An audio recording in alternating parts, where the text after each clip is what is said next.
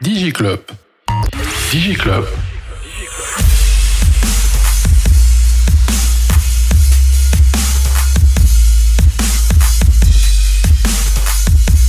DigiClub Podcast. DigiClub Podcast.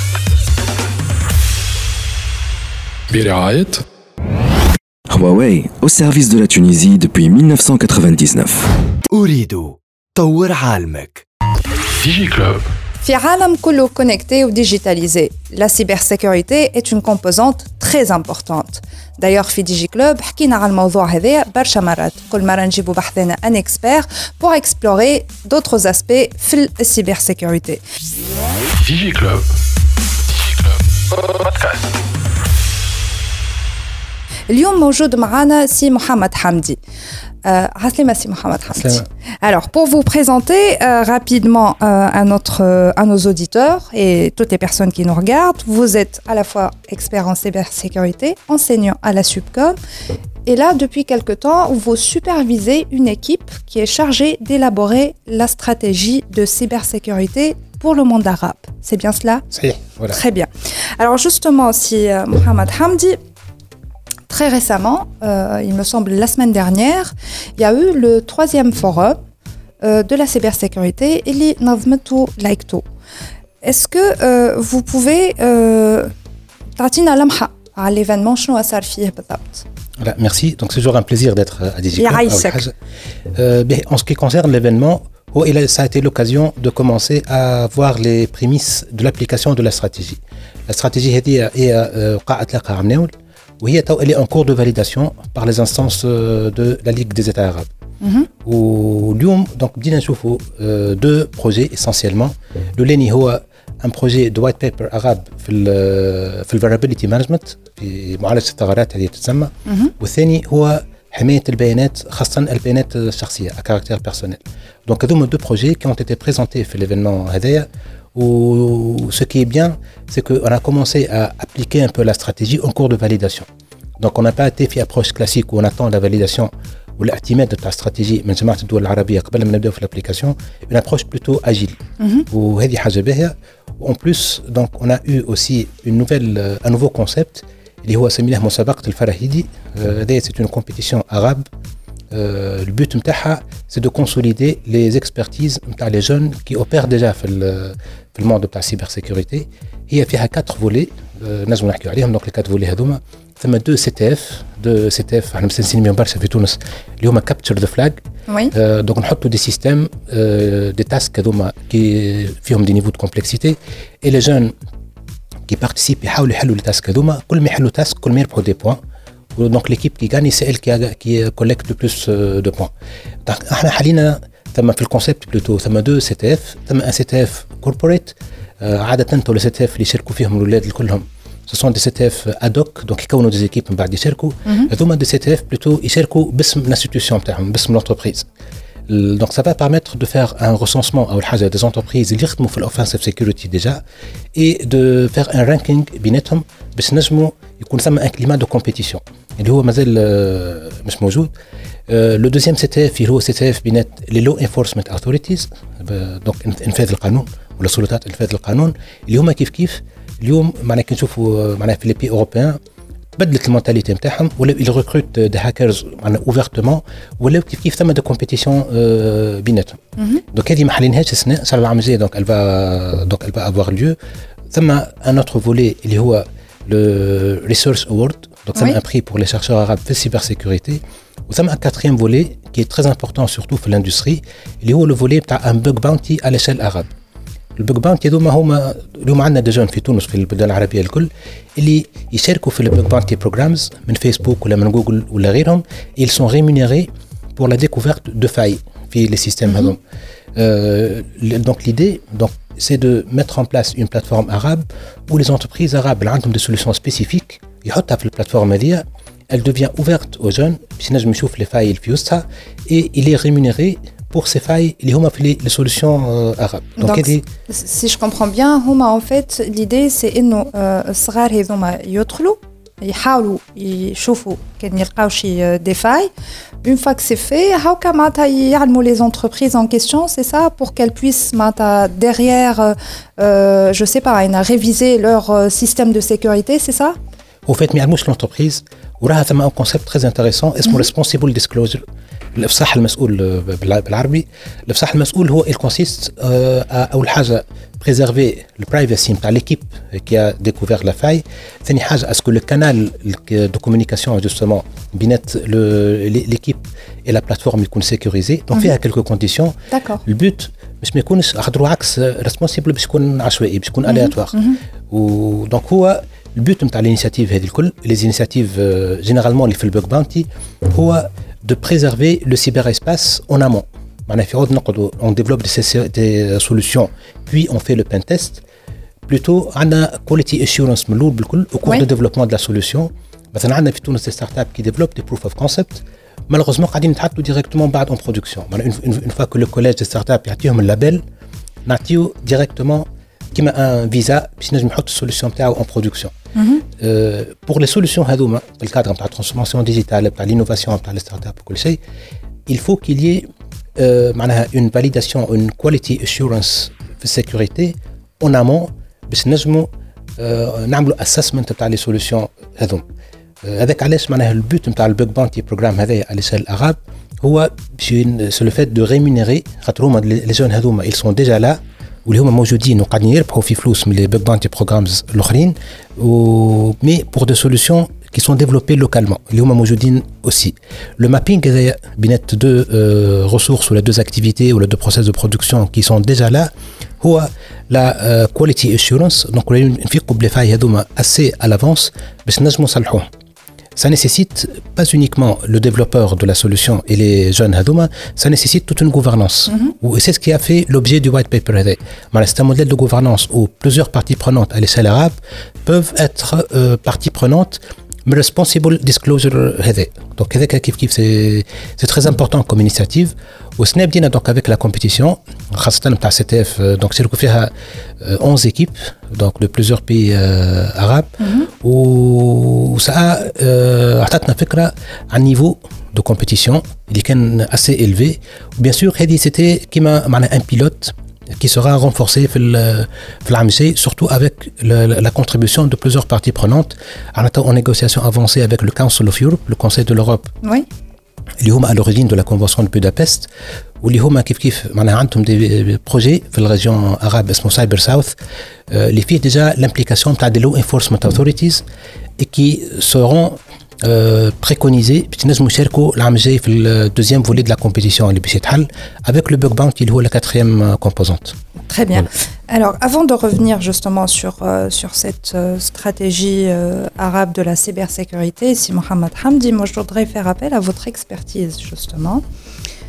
Et je voudrais comprendre un peu comment se présente la situation de la cybersécurité dans l'Arabie. Où est-ce qu'on en est بالضبط معناها؟ وفي العالم العربي جوستومون ثم سكي سوربرونون بلي ثم اون ديسباريتي كبيره برشا معناها ثم دو بيي كي سون في التوب فايف في, ال- في العالم معناها سولون لو جلوبال سايبر سيكوريتي اندكس رغم اللي هو سو ني با معناها لو ريفيرونسيال بار اكسلونس مي هو الى لو بلوس دو كوفرتور على البلدان في, ال- في العالم دونك ثم السعوديه اللي هي الثانيه وثم الامارات اللي هي الخامسه وثم un autre euh, une peloton de, de pays اللي هما malheure- malheureusement ils sont encore en retard وثم un autre pool de pays اللي هو في ال- في الوسط المشكله دونك ثم une disparité كبيره برشا en termes de maturité D'accord. ce qui rend difficile les initiatives à le but de la stratégie de cybersécurité à l'échelle arabe le but منها ce n'est pas d'être en interférence avec les stratégies locales de les stratégies pays le but بالعكس c'est de créer un climat تاع عمل عربي مشترك des initiatives هذوما qui peuvent être financées et approuvées euh, à l'échelle régionale Très bien. آه، هذا دونك يولي اصعب في ظل لا ديسباريتي هذه اللي قاعدين نشوفوا فيها. Et euh, تونس في الوسط آه، في تونس كانت في المرتبة 43 في ال في الريليز الأخر نتاع الجلوبال سايبر سيكوريتي اندكس ولات في المرتبة 31 آه، مي مازالت عندنا آه، مشكلة كبيرة معناها بلوتو معناها ان جاب كبير في الاورجنايزيشنال ميجرز معناها هذا لو بيلي اللي مازلنا ناقصين فيه. Euh, c'est la gouvernance de la cybersécurité. خاطر مثلا ثم ليجل مثلا ميجرز عندنا فيهم 20 ثم عندنا فيهم 19 دونك ثم وين هما ثم 5 بيلي أغلبهم عندنا فيهم دو بون نوت سوف ثم دونك تكنيكال ميجرز عندنا فيهم 16 وثم اورجانيزيشنال ميجرز عندنا فيهم 12 على 20 معناها نكلموا هذوما 5 فوا 20 يجيو 100 ان سكور على 100 الاورجانيزيشن هي بيان سور نحكي نحكيو هنا على النيشنال جفرنس في السيبر سيكوريتي دونك سي العلاقه بين لي انستيتيوشن en matière de cybersécurité. Ça a une configuration moyenne, Bien sûr, donc l'ATU n'impose pas une certaine gouvernance, mais ça a certains points de conflit d'intérêt mhm. ou là, certains points qui manquent par rapport au, au, landscape national de cybersécurité. Avec la note n'est pas très, euh, donc elle, n'est pas à la hauteur des compétences le Mojidine Fitounos en matière de, de, cybersécurité. Très bien.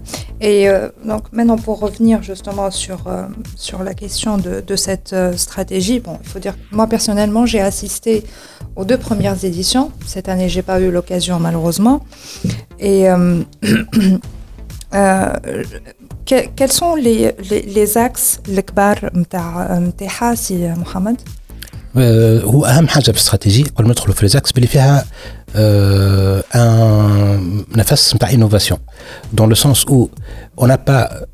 considérer la sécurité uniquement comme quelque chose de rébarbatif donc c'est pas uniquement le fait de se protéger de se barricader وكل شيء mais واحد من الاهداف اللي تحطوا هو خلق سوق عربي في السايبر سيكوريتي نخلقوا منه opportunité plutôt que toujours le donc le souci de se protéger وكل شيء لويش خاطر ثم في في لي بي arabes généralement ثم un vivier de compétences اللي هو sous-exploité par rapport au potentiel sous-exploité parce qu'il n'y a pas de projet fédérateur ولا disparité هذه اللي حكينا عليها entre les pays احنا شفناها بوزيتيفمون وشفنا بلي معناها en faisant la combinaison entre les points forts de plusieurs pays نجم نخرجوا avec des initiatives اللي اللي يعطيو امباكت خاطر généralement تلقى des pays فيهم الكومبيتونس mais il n'y a pas la gouvernance et il n'y a pas le financement d'autres pays l'axe Donc, il y a des initiatives régionales qui peuvent englober les points forts de, plusieurs pays.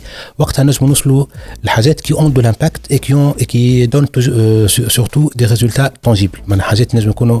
Vraiment avec une percussion sur le côté marché. Donc, si je comprends bien, ça c'est Mohamed.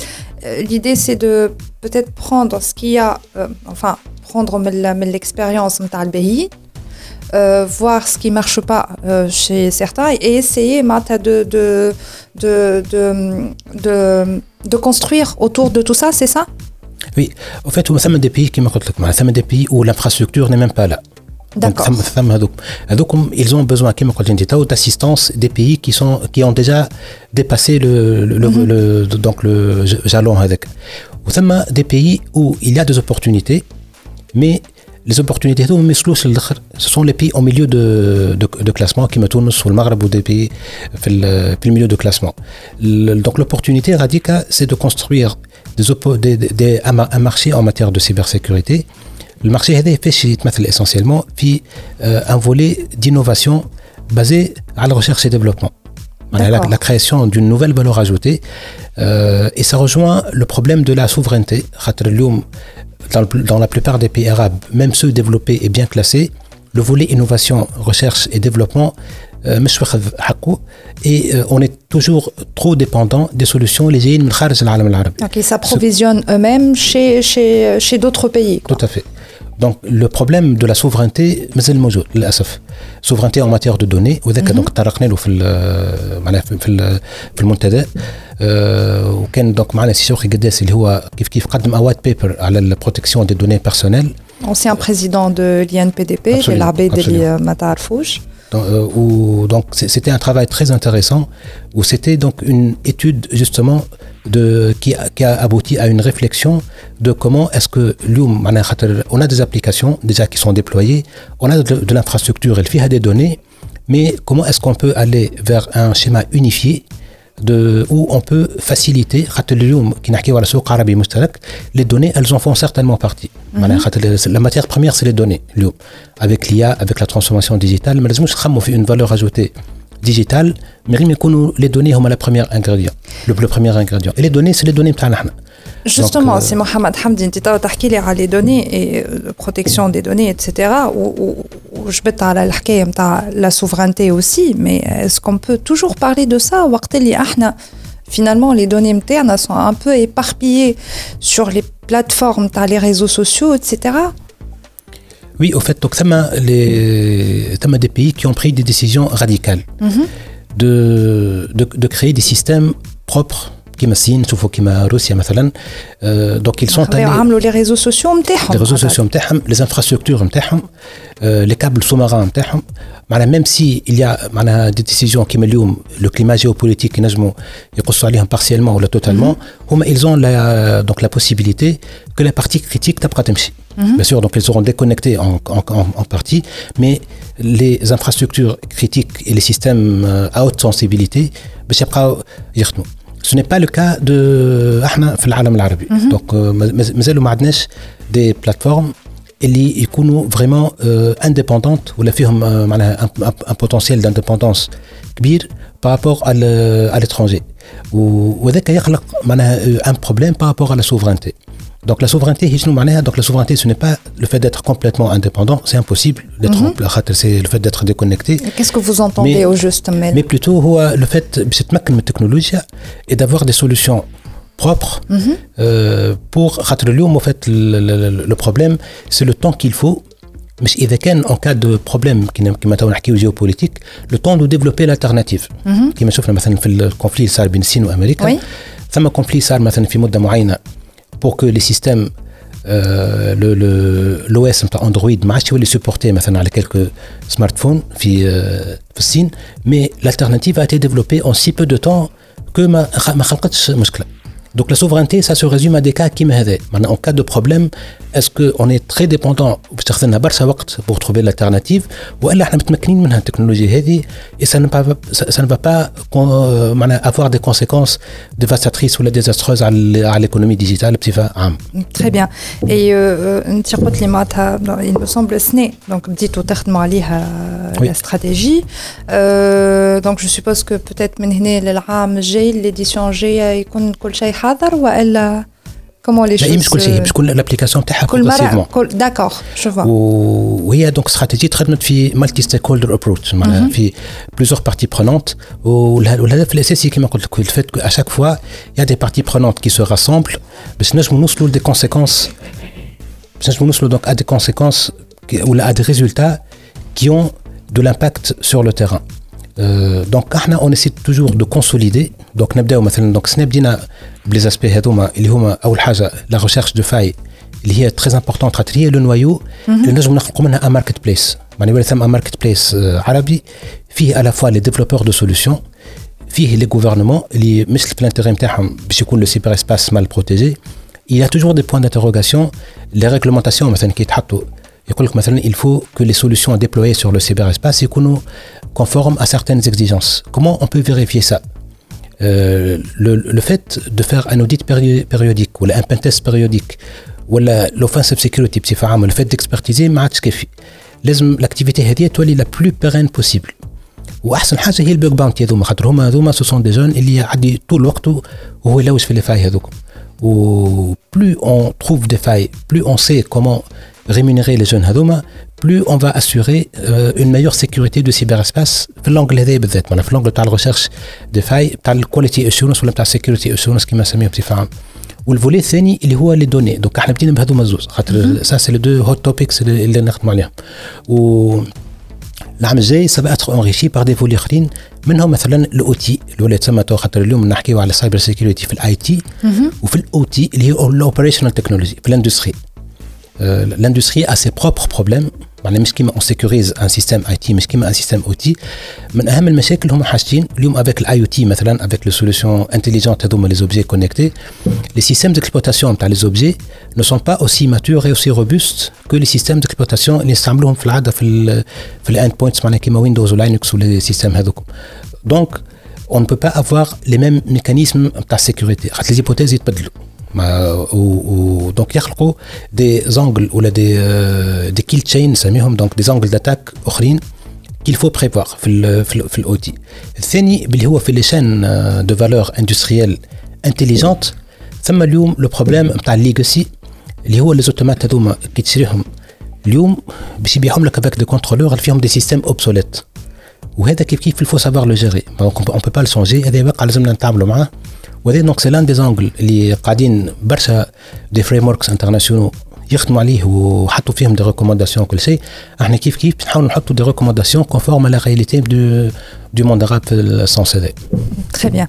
Alors, euh, donc, euh, là, si, euh, si Mohamed Hamdi, vous avez évoqué maintenant, les, euh, les, les points, les Qadin euh, et euh, je voudrais en fait, euh, après la pause, qu'on revienne sur un autre point qui est انت en, en tant qu'expert اليوم avec ce comité شنو بالضبط قاعدين تخدموا جاوبني بعد البوز اوكي Digi Club. Huawei, au service de la Tunisie depuis 1999. أريد طور عالمك Digi Club. رجعنا معكم في دي جي كلوب موجود معنا سي محمد حمدي qui est expert en cybersécurité, prof universitaire à la Subcom et euh, actuellement euh, chef de, du comité d'experts chargé de l'élaboration de la stratégie arabe de cybersécurité. Rappelez-moi encore une fois, c'est Mohamed Hamdi. Alors, avant la pause, euh, on a parlé un peu euh, de ce qui s'est passé dans la troisième édition du euh, forum de Tour à la, la on a un peu évoqué la situation de la cybersécurité dans le monde arabe et euh, euh, donc euh, cette stratégie sur laquelle vous êtes en train de travailler. Alors, si vous pouvez justement nous expliquer quels sont les points sur lesquels vous êtes en train de travailler avec ce comité aujourd'hui. On a deux projets fédérateurs sur le plan applicatif. Mm il y a un tableau de bord arabe de cybersécurité. خاطر لي دوني معناها اليوم اذا كان نحبوا نخدموا اي بروجي في السيبر سيكوريتي على شيل انستيتيوسيونيل ولا على شيل غوفرنمونتال Oui. لازمنا دي دوني اليمونتير اليوم مثلا لا بروبابيليتي دان ريسك كيلكونك معناها قداش مره يتعاود في العام ولا الامباكت نتاعو اذا كان صار هذوما اليوم اون با دو دوني تونجيبل باش لي زيكسبير ينجموا يخدموا بهم Ce qui fait que malgré les- le niveau d'expertise, malgré le fait نتبعوا les normes وكل شيء ديما يبقى ثم un niveau de subjectivité lié, mais au process bidou, mais lié à l'input plutôt, lié au le manque de données. Donc on est en train de, de, de penser euh, et de concevoir surtout un projet de tableau de bord arabe, donc les trafics, il est déjà moujoudine, mm -hmm. tout en préservant bien sûr quelques aspects confidentiels, les statistiques qu'il faut, et les statistiques ils euh, as a service pour justement pour les experts, pour le gouvernement, ils anticipent les failles خاطر les failles se propagent Oui. euh, donc d'un point à un, à un autre donc باش يكون un mapping بين les points هذوما les hot points هذوما اللي فيهم les sources de, de, de, de problèmes et de vulnérabilité donc le dashboard هذايا عنده une importance euh, كبيره في ال- في الاستراتيجيه arabe de cybersécurité le deuxième point اللي هو le fait de développer des euh, procédures ou des euh, outils essentiellement pour qu'on puisse avoir des euh, unifying development platforms معناها des, des, des plateformes كيما اليوم نحكيو على DevOps مثلا DevOps معناها c'est le fait que euh, يبدا l'environnement de développement l'environnement de test et l'environnement opérationnel اللي باش نعمل فيه le déploiement de la solution يبداو في pipeline unifié euh, يتسمى سي اي سي دي essentiellement donc continuous integration continuous development على خاطر le, le marché justement il a changé معناها قبل كانوا ثم des SS2I elles, elles développent les solutions بعد يعملوا سبلاي وثم وين نعملوا الهوستينغ في الاخر الكونفيغوراسيون هذه تبدلت على خاطر لي بوزوان ولاو تellement fréquents le changement de besoin que on a besoin justement que les entreprises هذوما restent en perpétuel développement donc ça ma continuous integration continuous development le fait de tester les solutions هذوما euh, sur le plan sécurité ne se fait pas comme les solutions existantes. معناها Il ne suffit pas de pen tester une solution ou de l'expertiser une fois qu'elle est développée, puis نقولوا راه on peut la déployer. il faut qu'il y ait toujours cette euh, en cours de développement dit la euh, recherche justement des failles et des, et des vulnérabilités. Donc euh, on est en train de réfléchir et de concevoir un, le développement d'un pipeline unifié des sectoriel mhm. ça m'a des pipelines pour le système pour les systèmes financiers et bancaires ça des systèmes industriels. Donc pour chaque secteur ثم دي بايب لاين تيب واللي ديفلوبور ولا الستارت اب اللي يخدموا في الدومين هذايا ينجموا يعملوا لو ديبلويمنت نتاعهم قبل ما يكونوا في البرودكسيون دونك لي تيست يوليو او فور اي مزور دو دو ديفلوبمون سا دون اون ميور اسيورونس بار رابور او برودوي Très bien. Est-ce que c'est sectoriel par rapport à la sensibil- sensibilité et la typologie, typologie de données متاع كل secteur ou alors علاش بالضبط هو سي سيكتوريال بلوتو parce que le pipeline de développement il n'est pas le même D'accord. parce que les requirements aussi ils ne sont pas les mêmes معناها في السيستم بانكير مثلا ثم des requirements liés مثلا للبي سي اي دي اس اس للسويفت للنورم تاع السيستم بانكير في السيكتور اخر مثلا اذا كان ناخذ كيما سيكتور تاع سيمي كوندكتور باش يكون عندنا دي نورم اخرين دونك كل سيكتور فيه لي فيه لا نورماليزاسيون نتاعو وفيه لي ريكوايرمنتس نتاعو جينيرالمون لي تيست qui se font sur les sur le cycle de développement du logiciel avec sa nouvelle configuration, comme DevOps ou DevSecOps, mm -hmm. puis lié le secteur en question. D'accord, très bien. B. En attendant que tout ça soit prêt, qu'il y a quand même plusieurs disparités entre les pays en termes de maturité, de cybersécurité. Qu'est-ce qu'on peut faire Tawaliou en attendant que cette stratégie soit prête et que euh, les solutions que vous proposez euh, soient implémentées et déployées pour que euh, les les pays qui sont quand même en retard ياخذوا التشا على الاخرين du moins. هو ثم دو شونتيي كبار ثم اول حاجه لو شونتيي انفراستركتور خاطر هو ذاك سينيرامون سي لا بروميير الحاجه الاولى بالضبط سي بروميير باريير من اول اوبستاكل نجم يعترضنا هو الانفراستركتور الانفراستركتور اليوم في بوكو دو بيي مازالت مش متطوره باش تنجم elle supporte euh, l'implémentation de solutions de sécurité avancées. Mm-hmm. L'infrastructure, l'infrastructure réseau euh, de communication, mhm. l'infrastructure de hosting, les data centers qui. Donc il faut qu'on ait assez d'avancement au niveau infrastructure. Peut-être un pilier qui est prêt à l'étape euh, suivante. Le deuxième pilier, c'est les données. Mhm. Donc, kif, kif, les données, il y a des schémas de gouvernance de données دو دوني بازي سور الانفراستركتور مثلا باش نرجع لفولي انفراستركتور اذا اذا كان نحكيو مثلا على بي في 6 لي بي في 6 كيف كيف دونك اليوم سي لان دي لوفيي دو ديفلوبمون خاطر لا بينوري دادريس بي في 4 فيها فيها مشكله في quelques pays منهم تونس malheureusement donc le taux de, de le penetration euh, rate نتاع نتاع IPv6 مازال ماهوش bien bien développé مازلنا يا ربي العمل عليك فيها. alors qu'il y a d'autres pays qui ont, qui ont presque des pays de la région arabe.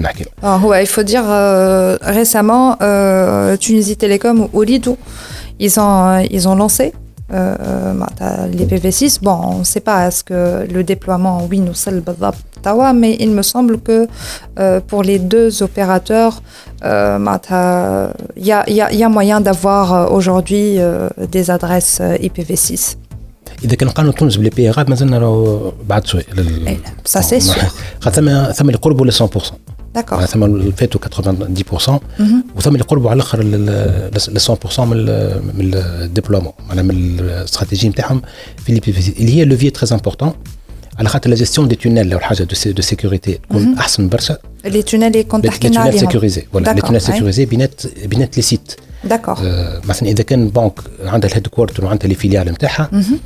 اليوم آه، بلا بلا ادريس اي بي في 4 باش تعمل دي تونيل اي بي سيك ولا تي ال اس من من النوعيه هذيك سواء كوش ابليكاتيف ولا كوش ريزو اي كوش ترونسبور Par contre, في les PV6, ça a des schémas natifs beaucoup plus sécurisés, avec des tailles de clés beaucoup plus importantes ou كل شيء.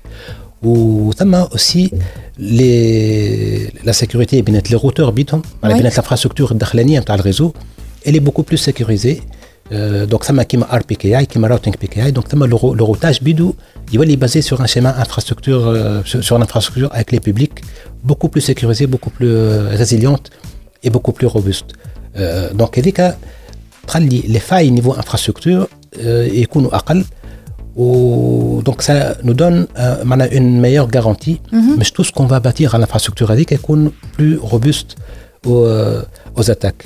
Le deuxième volet, c'est le volet données. Kif kif, les données. Des, des, les données, c'est à la fois un potentiel, mais un risque aussi. l'infrastructure, ou on fait le training des algorithmes, mm -hmm. données qui sont empoisonnées. Il fait un des données, on empoisonne les données avec euh, de fausses données. Oui. Mais le modèle, il يخرج في الاخر يخرج موديل غلط وهذه دونك سي لون دي اتاك لي بلو ريباندو اليوم داتا بويزنينغ le, le fait de ne pas être robuste aussi par rapport à ça, ça crée des, des problèmes. Donc, هو هذاكم les deux premiers obstacles اللي لازم les pays اللي مازالوا معناها متاخرين relativement par rapport aux autres لازم نخدم عليهم. Donc, هذوكم c'est les deux معناها chantiers les plus importants, les plus prioritaires surtout. Très bien. Et euh, في تونس عشان لازمنا نخدموا بالضبط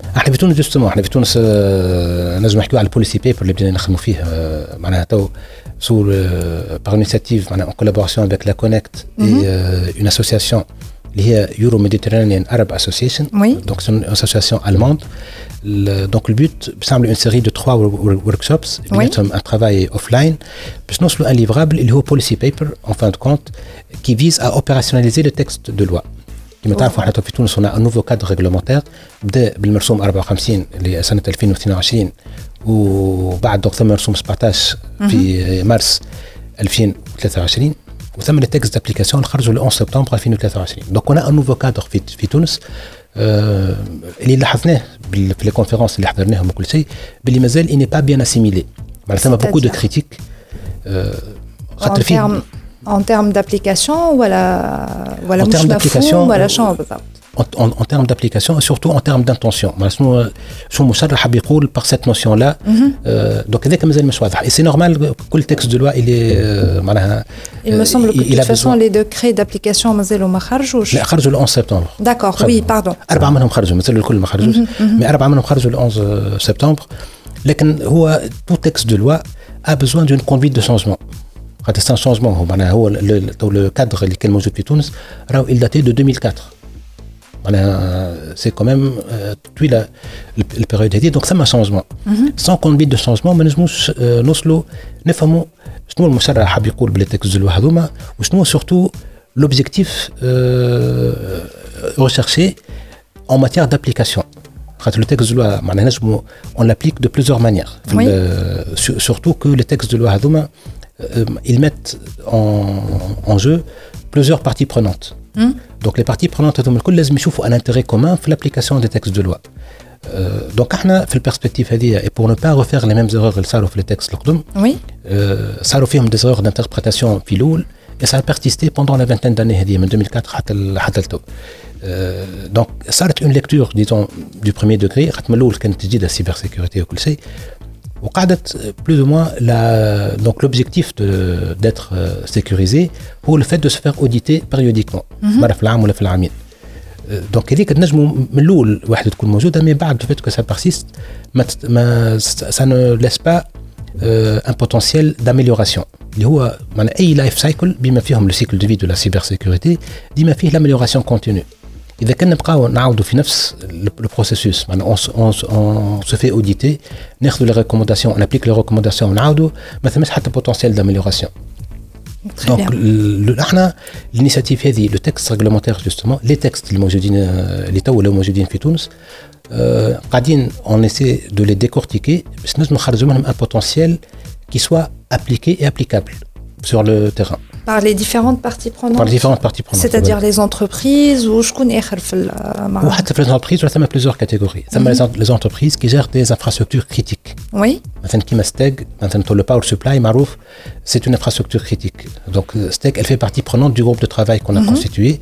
Euh, ça m'a kif kif, ça m'a Tunisair, ça m'a le secteur bancaire et le représenté. Euh, donc, ça m'a aussi les fournisseurs de solutions de cybersécurité nationaux et internationaux, ça une communauté de développeurs. Donc c'est assez hétérogène. Euh, ça le tissu universitaire, bien sûr, ça le volet juridique. Donc euh, autour d'un seul euh, problème, il y comment opérationnaliser les textes de loi.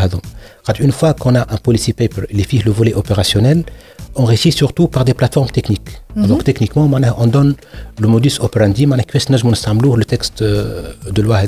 Ça va lever plusieurs obstacles اللي تعرضنا لهم في ال- في الكادر ريغلومونتير القديم دونك هذيك الانيشيتيف اللي امبورتونت احنا بدينا دونك نتعرضوا كلك بروبليم في التكست في الكادر ريغلومونتير الجديد سي با دي بروبليم مي سي On بلوتو parle du décret 54 là ولا لا مش كان دوكي 54 بيان سور دونك فيه سوء فهم هو تاع الفولي نتاع لانفورماسيون خاطر هو لا ديفينيسيون دو لانفورماسيون في الدوكري 54 سي لا سي لانفورماسيون كيما في الكونفنسيون دو بودابست معناها سي ان فلو d'information سي دي Oui. بيت en fin de compte donc c'est- ce, ce, ce n'est pas le- l'information telle que le journaliste la comprend Donc ce n'est pas le, le- c'est plutôt اقرب للداتا que l'information. D'accord.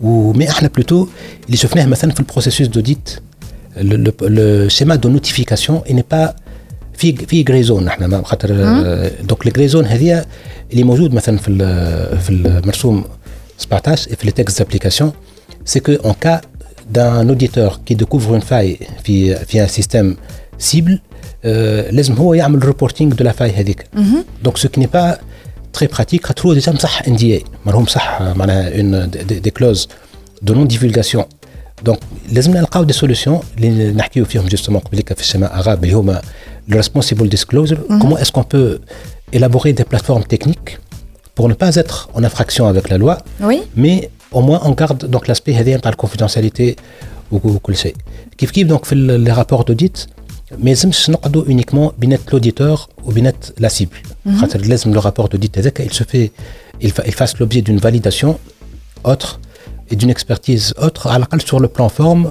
pour qu'on puisse consolider les rapports هذوما الكل خاطر le D'accord. rôle de la de, de l'ANSS مثلا de l'agence nationale de cybersécurité de, de cybersécurité l'un des rôles نتاعها c'est de publier annuellement des rapports et des statistiques à l'état des lieux en matière de cybersécurité fait. كما الداشبورد اللي كنا نحكيو عليه Donc elle pourrait se servir de ces Tout à rapports-là, fait. c'est ça Absolument. إذا كان يكونوا consolidables خاطر إذا كان يكونوا هما بيدهم ils se basent sur différents ré- ré- référentiels ما ما تنجمش لاجونس تعمل consolidation تاعها دونك باش نعملوا كيف كيف des initiatives في السونس هذا في des initiatives aussi en matière de de, de labellisation هو l'un des nouveaux aspects في اللغة tunisienne هو le label يسمى مؤمن معناها C'est-à-dire هو c'est un label justement qui a été proposé pour que les entreprises il y a des infrastructures connectées euh, sur le cyberespace euh, donc la loi les oblige en quelque sorte باش يكونوا les fournisseurs نتاعهم عندهم label مؤمن هذا fournisseur cloud ولا fournisseur ولا développeur de solutions ولا كل شيء pour le moment le référentiel ou كيف كيف donc في ال- في اللoi ثم une commission euh, au sein de l'agence nationale de cybersécurité هي اللي تعطي اللابيل هذا الباقي لو مود دو فونكسيونمون مازال il n'est pas très clair وهو معناتها en fait- كيفاش آه، كيفاش تم- لوكتخوا نتاع اللابيل l'octroi. هذاك يصير سي سا Euh, c'est pas le- le- le- l'octroi donc l'octroi واضح بصح الكوميسيون هذيك mais c'est plutôt les conditions D'accord. euh, le, le, le fait aussi comment expertiser la solution techniquement est-ce qu'on va tout expertiser euh, إذا كان ثم des solutions qui sont expertisées ou qui sont accréditées déjà معناها elle est importée ou elle est accréditée par des laboratoires très avancés. Donc, si on a, un, on va essayer de se focaliser à le, développement spécifique. Oui. Les CIR ou là pour des clients tunisiens. On n'a pas la garantie. Ce sont des solutions qui n'ont pas, pas été euh, accréditées, auditées, expertisées. Donc, le fait de euh, faire quelque chose d'opérationnel façon avec peut-être une plateforme technique nationale, et nous نعملوا فيها l'expertise continue ou l'audit continu ou le- le- ou la security assurance d'une manière continue تكون كيف كيف une initiative qui peut couvrir les gray zones هما اللي اللي اللي موجودين Très bien.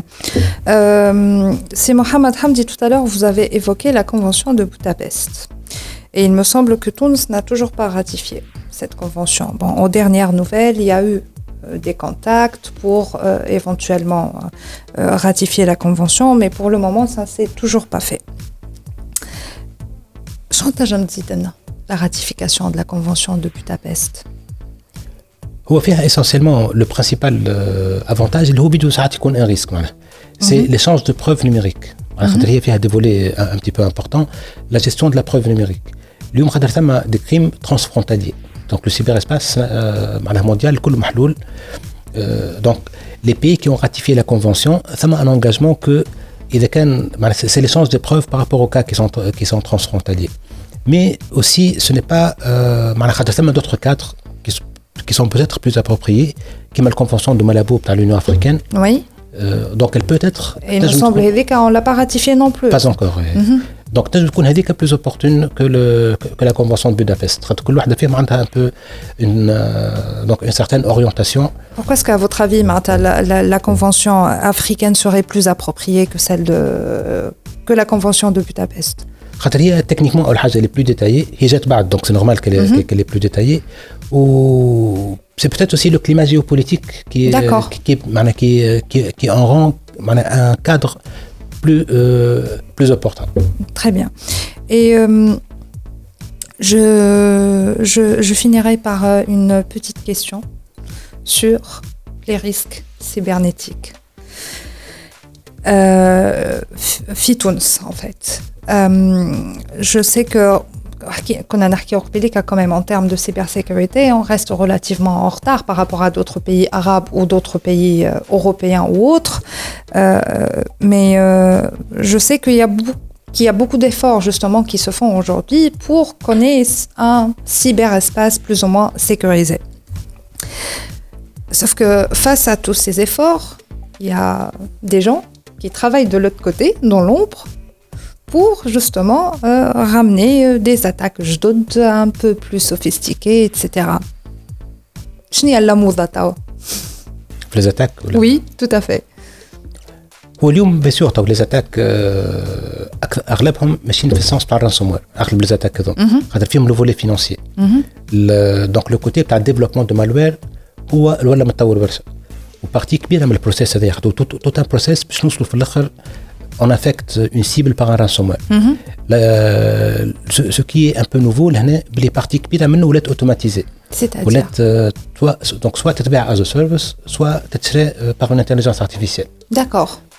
منهم مثلا لو فات دو سامبليفي اون اتاك دو فيشينغ اليوم ثم بوكو دوتي بازي على ليا كي بوف سوا يعاونوا في ال- معناها في الكونفيكسيون نتاع البيرسون سيبل باش ينجم يعمل اكسيون خاطر هو il doit faire une action دونك سوا كليكي سور ان ليان سوا دونك اي اكسيون باش يعملها اليوم ثم دو زوتي بازي على ليا سوا بور روندر لو ميساج اوثنتيك اللي باش نبعثوا له خاطر احنا باش نبعثوا ان ميساج qui semble provenir d'une personne de confiance باش نجم مثلا يكليك سور لو ليان ولا يحل ليماج ولا يحل السيت ولا ولا ولا ولا, ولا, ولا دونك هذوما ثم دي زوتي جوستومون كي رونفورس لوثنتيسيتي renforcer l'authenticité معناها باش يقوي من البروبابيليتي دو انك تكليكي بالضبط. ولا تحل دونك ال- دافكسيون دونك ثم حتى دي زوتي بازي على ال على ال على الترادكسيون دونك بازي على الليبسينك في الملتي ميديا جوستومون كي peuvent aussi euh, faire des messages اللي هما fake mais qui, pro- qui semblent provenir d'une personne de confiance Ça s'apparente au deepfake, ça, c'est ça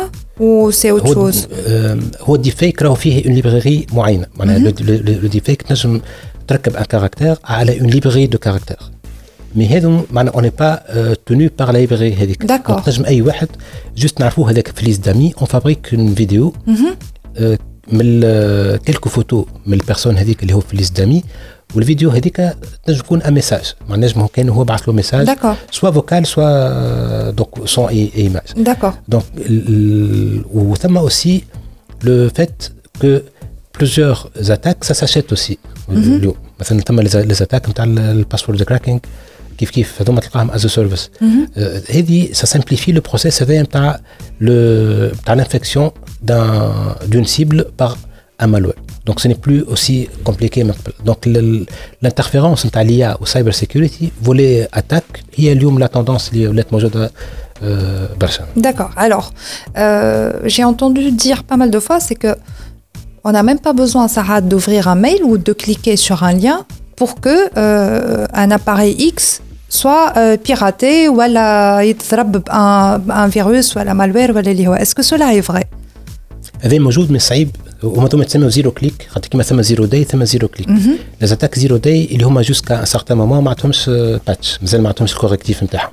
دونك هي لاتاك ولا لا فاي ولا الاكسبلويت يقعد زيرو داي جوسكا سكيلي ان باتش كيما نحكيو على على البيج باونتي قبليك دونك ثم دي جون كي ديكوفروا لي فاي من بعد اون فوا كو نعملوا ريسبونسيبل ديسكلوجر ثم دي زيكيب دو ديفلوبمون باش يحاولوا يسكروا الفاي هذيك دونك هذاك الكونسيبت تاع زيرو داي ثم زيرو كليك اللي هو مثلا يجيك ان ميساج واتساب ولا ان ميساج باغ اس ام اس لو فيت كو جوست تشوف لابيرسو نتاعو دونك C'est on n'a pas mort. besoin de cliquer بالضبط دونك le, le- la, la cible elle devient infectée mais هذوما elles sont plus rares هذوما دونك سي ال- خاطر la surface d'attaque هنا c'est la mémoire دونك خاطر هي le fait de se de باش تشوف انت juste l'aperçu على الميساج l'aperçu هذاك في الميموار موجود دونك le fait de faire propager les attaques هذوما par des failles موجودين في gestion de la mémoire c'est beaucoup plus compliqué techniquement هذاك علاش حتى كي تبيعهم لي زيكسبلويت هذوما pour les gens qui trouvent le, ce type de faille là le, le prix نتاعهم il peut aller jusqu'à 2,5 millions de dollars معناها pour le Pour pour ce le- type de. ولا pour le jeune ولا pour l'équipe de jeunes يلقاو لي فاي هذوما D'accord. في دي سيستيم معينين هذا اذا اذا كان لقاهم في لي او اس كيما اندرويد آه، ولا كيما اي او اس سو تيب دو فاي لا يسوى اكثر برشا من لي فاي اخرين ارخص اللي يوصلوا حتى 10000 دولار هو دونك لو سبيكتر اللي نحكيو عليه قبليك سي بين 10000 و 2.5 مليون دو دولار وثم دي بلاتفورم اللي هما موجودين كيما زيرو ديو مثلا اللي هي تو معروفه هي احسن في احسن آه، برامج تاع ريمونيراسيون و لو كومول تاع لي ريوردز اللي عطاهم il a dépassé il vient de dépasser 100 millions de dollars واو le cumul معناها من ليزيكيب بيان سور الكل هما يساجي تقريبا دون دوزين دو ميليي ديكيب اللي شاركوا مش الكل ربحوا بيان سور مي اللي ربحوا فيهم ils ont gagné la somme de 100 millions de, de, de dollars. Ça fait beaucoup بين- d'argent, Ouais, ça. Donc, بين 10 000 et 2,5 millions. Très bien. Une petite recommandation pour terminer cet épisode, si Mohamed Hamdi, للعباد اللي تحب تحمي رواحها. هي الريكومنداسيون ما ثماش نحسن الاويرنس معناها هي لا سونسيبيليزاسيون et surtout le contrôle continu معناها le, le, le fait d'être en perpétuelle amélioration en perpétuelle même auto-formation la, la cybersécurité اليوم ce n'est pas l'affaire des spécialistes ce n'est pas le spécialiste اللي هو uni- uniquement des spécialistes bien sûr ثم l'expertise ثم كل شيء mais ثم un minimum avec les outils اللي موجودين تاع éducation justement en matière de cybersécurité اللي لازم اليوم يكون موجود معناها on peut plus se permettre euh, de d'être ignorant entre guillemets في des aspects basiques على خاطر les failles هذوما راهو ils peuvent toucher اللي اليوم d'ailleurs donc معناها اي attaquant راهو il va chercher la porte la plus euh, facile باش نجم يدخل منها la plus facile donc ce sont les l'humain او الحاجه le moins éduqué دونك هذاك علاش معناها في اي بدايه نتاع سيناريو داتاك نخدموا نسميه او سينت دونك لو سينت معناها سي لا بارتي ريكونيسونس هي في البارتي ريكونيسونس هذيك سي كال سون لي بيرسون لي سيبل هيومان اللي هما عندهم لو دوغري دو فولنرابيليتي لو بلو لو بلو فور هذيك تسمى الانيشال اكسس معناها جوست بعد هذيك اون برون ان اكسي انيسيال بعد سوا باش نعملوا دي موفمون لاتيرو pour se propager والا باش نعملوا اسكالاد دو بريفيليج باش نجموا ناخذوا ان بريفيليج بلوز افونسي دونك ديما ال- معناها لو فاكتور كومان بين هذوما الكل سي لي بيرسون مالوغوزمون كي نو سون با اسي ايدوكي باش يكون عندهم لي مينيموم دو ريفلكس في في البروتكسيون مي اوسي في التعامل مع الفاي اذا كان تاقع دونك on a vu, vu aussi beaucoup de cas de même au niveau d'administrateurs هنا Oui. معناها في تونس euh, qui n'ont pas su gérer l'incident donc l'incident تلقاه قاعد يصير و... ويتفرج. soit يتفرج soit il, il, il réagit mal de façon à exacerber le, le, le résultat نتاع نتاع l'incident donc l'éducation elle est très très importante نقولوا احنا يجي طبها يعميها معناها. بالضبط exact Très bien. Merci beaucoup, aussi Mohamed عايش- Hamdi. Au عايش. plaisir de vous revoir. عايش يا merci عايشك. beaucoup عايش كان هذا كل شيء في حلقة اليوم نتلقاو المرة الجاية في برشلونة في الموبايل وورد كونغرس ديجي كلوب ديجي كلوب ديجي كلوب وفات اليوم نجموا تعاودوا تسمعونا على اي تيونز ساوند كلاود جوجل بودكاست اي انغامي ديجي كلوب بودكاست بودكاست ديجي كلوب ديجي كلوب